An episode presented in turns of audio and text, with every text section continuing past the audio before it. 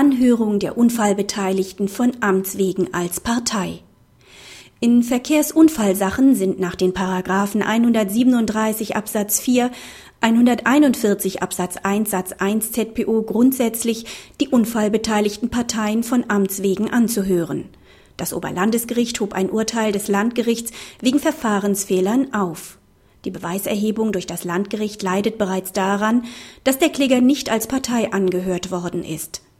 In Verkehrsunfallsachen ist die Anhörung der Beteiligten von Amts wegen vorzunehmen.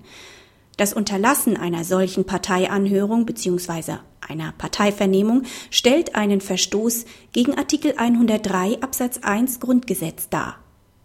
Einen weiteren Verfahrensfehler sah das Oberlandesgericht darin, dass das Landgericht zuerst eine medizinische und erst danach eine unfallanalytische Begutachtung hat vornehmen lassen. Zwar ist die Feststellung einer HWS-Distorsion eine primär medizinische Frage, deren Beantwortung bedarf aber vorbereitender Begutachtung.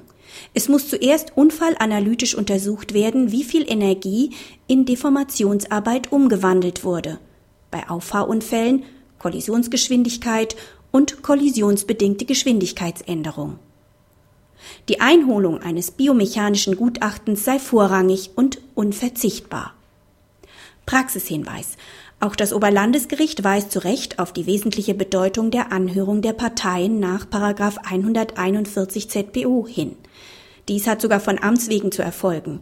Gleichwohl empfiehlt es sich in der Praxis, das erkennende Gericht hierauf hinzuweisen und zusätzlich zum Sachvortrag des Unfallhergangs ausdrücklich die Anhörung der Partei zu beantragen, wobei es sich nicht um einen formellen Beweisantrag, sondern um eine Anregung handelt.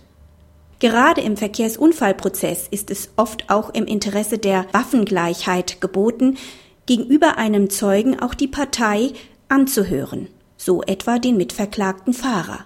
Es obliegt dann der tatrichterlichen Bewertung nach 286 ZPO, unabhängig von der prozessualen Stellung als Zeuge oder Partei, welcher Aussage der Vorzug zu geben ist